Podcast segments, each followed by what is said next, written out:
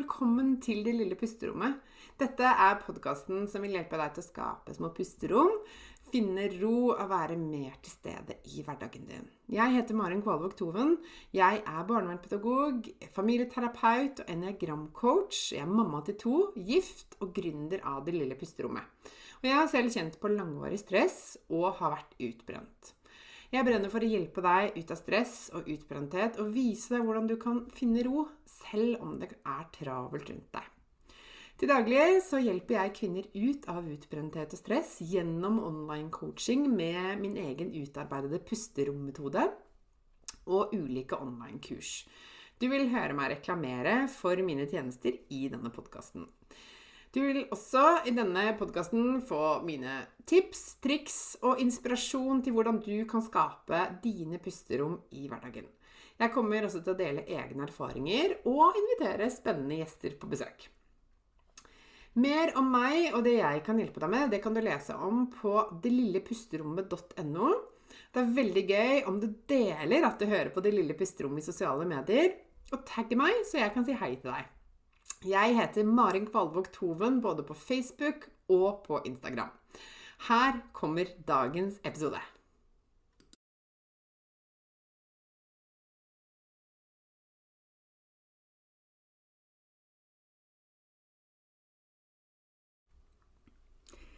Hei og velkommen til Det lille pusterommet. I dag så har jeg lyst til å snakke om et fenomen som vi alle eh, tenker på og, og, er opptatt av på et eller annet vis, tror jeg, og det er tiden. Hvordan du bruker tiden din, og kanskje du har en følelse av at uh, du har dårlig tid. Jeg hører hele tiden sånn Å, jeg har for lite tid. Jeg skulle hatt mer tid. Skulle ha, døgnet skulle hatt flere timer. Uh, jeg har dårlig tid. Jeg har ikke tid til det. Vi snakker veldig ofte sånn.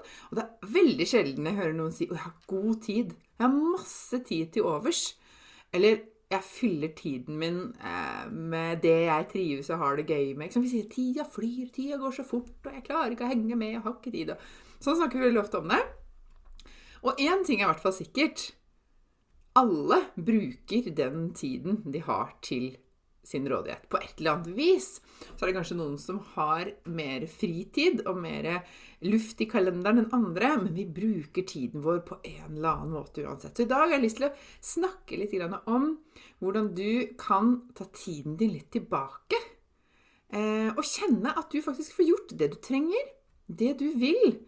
Uh, uten at du trenger å trylle med tiden, eller at noen har en sånn magisk formel for hvordan de får inn noen ekstra timer. for det tror jeg ikke er så realistisk. Eh, altså Først har jeg bare lyst stille spørsmålet Hva bruker du tiden din på i dag? Sånn egentlig. Altså, i, i høst, i fjor høst, høsten 2023, så eh, fikk jeg tilbud om å skrive min aller første bok. Og det første mannen min sa, bortsett fra 'gratulerer' og 'dette er kjempegøy', var 'hvordan skal du få tid til det'? For jeg, som så mange andre, erfarer jo at tiden blir jo brukt opp. Og jeg har ganske mange jern i ilden. Jeg, jeg, er gründer og, og, har mye jobb med det, som jeg elsker. Jeg har eh, familie, som jeg også elsker, selvfølgelig. Og jeg har hus og hjem og venner og familie. Ikke sant? Så hvordan skal jeg få tid til det? Og så sa jeg til han at vet du hva? Den tiden, den vil jeg skape. Jeg vil skape tid for å kunne skrive den boka. Fordi at eh, faktisk så var det sånn at det målet og den drømmen var så stor for meg at den ble større enn de begrensningene som jeg på en måte hadde kunne sette på meg selv. Da. Jeg kunne ha sagt nei, vet du, det går ikke. Og hadde du spurt meg for et år siden, sagt jeg har egentlig ikke tid. Jeg må vente til barna blir større.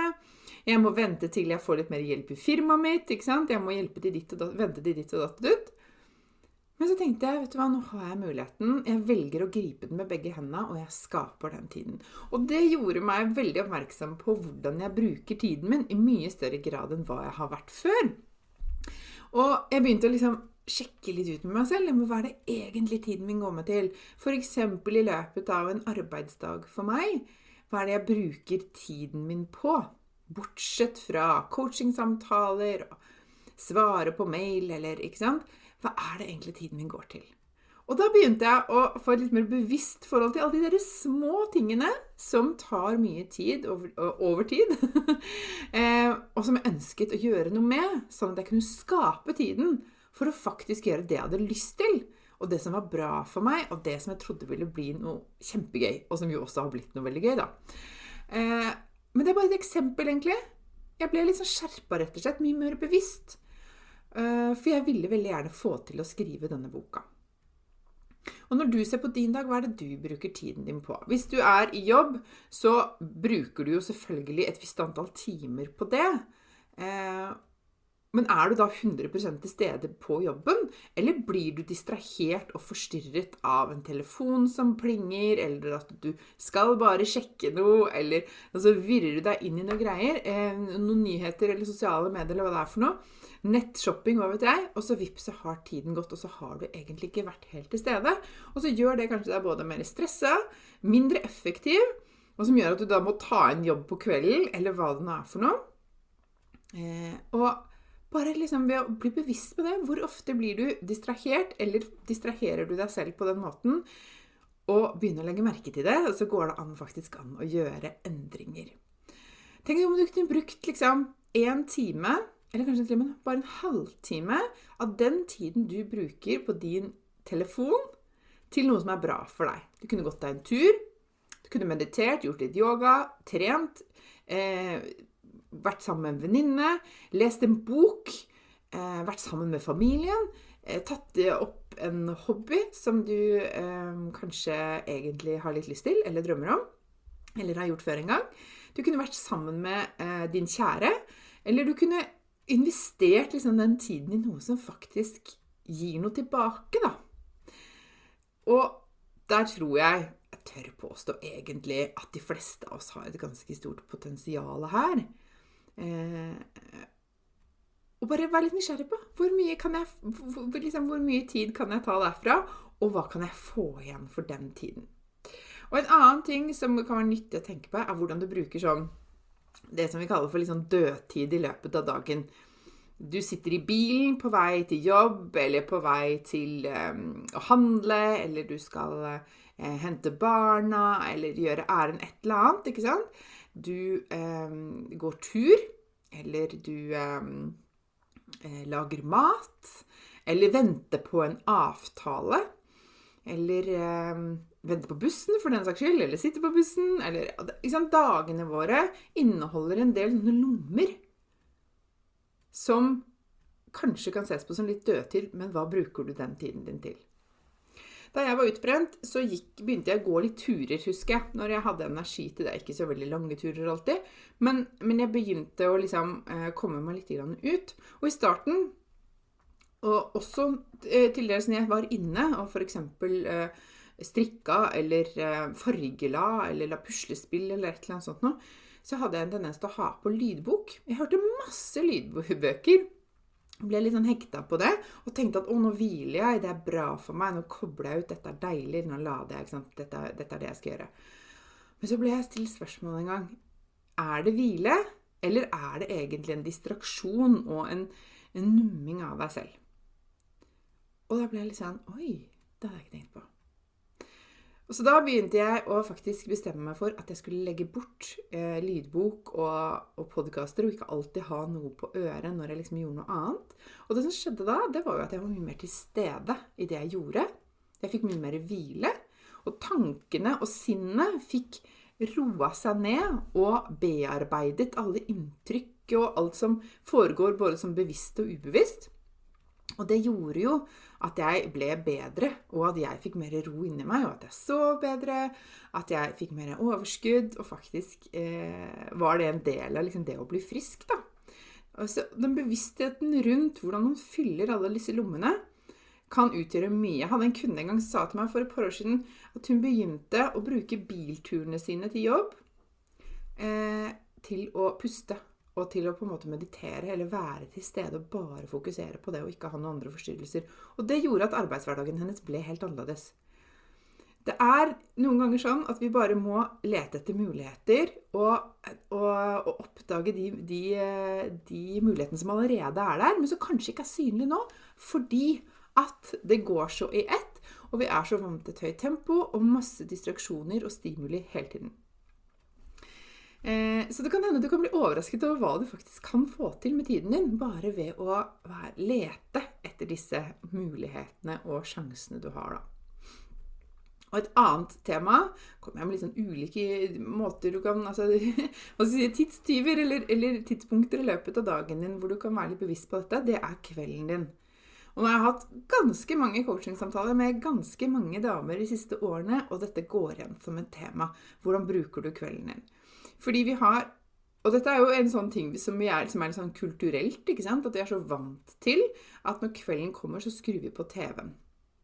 Det er jo liksom Du er nesten rar hvis ikke du gjør det. Eh, og, og, hvor mange timer bruker du eh, foran TV-en i løpet av en dag eller en uke? Og hva gir det deg? Jeg skal ikke si til deg nå at du aldri skal se på TV mer. Det er ikke poenget i det hele tatt. Men det handler om en bevisstgjøring i forhold til hva og hvordan du bruker det. Og gir det deg det du egentlig er ute etter? Hviler du og slapper av? Topp. Men hvis det gjør at du kjenner på et økt indre stress, kanskje du kjenner på dårlig samvittighet for alt du burde gjort i stedet for, eller kanskje det gjør at du blir litt mer våken enn du egentlig er, sånn at du ender opp med å legge deg mye seinere, det er veldig vanlig, særlig i denne Netflix-tiden vi lever i nå, hvor TV-en ikke er ferdig klokka 11, men hvor man kan se TV døgnet rundt hvis man vil så er det det å først bli hekta på en serie, f.eks., og ta en episode til og en episode til, kan gjøre at faktisk eh, kroppen din blir veldig påvirket av det blå lyset fra TV-en, og at du ikke kjenner at du egentlig burde ha gått og lagt deg, og at du egentlig er trøtt. Og det merker jeg veldig stor forskjell på personlig. Hvis jeg jeg ser veldig lite på TV nå. Jeg ser faktisk nesten ikke TV i hele tatt. Litt grann i helgene. Eh, men, eh, og nå i år så tester vi ut noe nytt. Vi har tatt TV-en ut av stua. Så vi har bare TV oppe på en TV-stue. Og det syns jeg er helt fantastisk. Fordi da er det ikke den der TV-støyen i stua. Da går det faktisk an å sette seg ned og lese en bok der. Og jeg merker at det påvirker både oss voksne og barna veldig, veldig eh, positivt. da.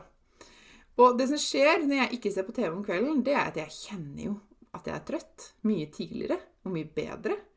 Eh, det er helt åpenbart, for jeg begynner å gjespe og kjenne at nå har jeg lyst til å gå og legge meg. Men hvis jeg ser på TV, så, så tar det mye lengre tid før den følelsen kommer. Og det kan jo faktisk gjøre at du får for lite søvn. da, ikke sant? Så jeg, jeg, har ikke tall på hvor mange jeg har gjort denne øvelsen med. Eh, sjekk hva som skjer hvis du, eh, hvis du, legger deg en episode tidligere på kvelden. Eller eh, en time tidligere, en halvtime tidligere. Det kan skje underverker, min venn. Eh, thank me later, som det heter. Eh, sjekk det ut hvis ikke du allerede har gjort det. Det er et veldig, veldig godt tips. Um, yes. Uh, og det er ikke sikkert at du ser så veldig mye på TV. Det er ikke sikkert at du scroller så mye på telefonen heller. Uh, men kanskje du jobber mye.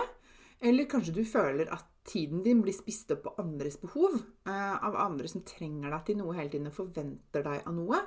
Nei, forventer noe av deg. Uansett så kan det være et nyttig spørsmål å stille deg selv. Hva er det du vil ha mer av, og hvordan kan du få til det? For når du begynner å lete etter muligheter, så er det helt utrolig hvor mange du, av flere av dem som dukker opp. Det er helt vilt. Og jeg husker jo før så var jeg mye mer sånn eh, Så jeg bare begrensninger. Mens nå leter jeg etter muligheter for å koble av, for å hente meg inn, for å ha stillhet, for å hvile, for å sove. Alt dette her. Eh, og leter hele tiden etter muligheter for å liksom optimalisere dette for meg selv. Legge til rette for at jeg skal få nok av det. Eh, så det er mye trening og mye som ligger, eh, bevisstgjøring som ligger i det. da. Så hva ønsker du egentlig å bruke mer av tiden din på? Er det også å være sammen med venner? Eh, ta fram en hobby? Komme deg ut i naturen? Kanskje du har lyst til å drømme om å starte din egen business? ikke sant? Men tenker jeg har ikke tid til det, og det hører jeg hele tiden.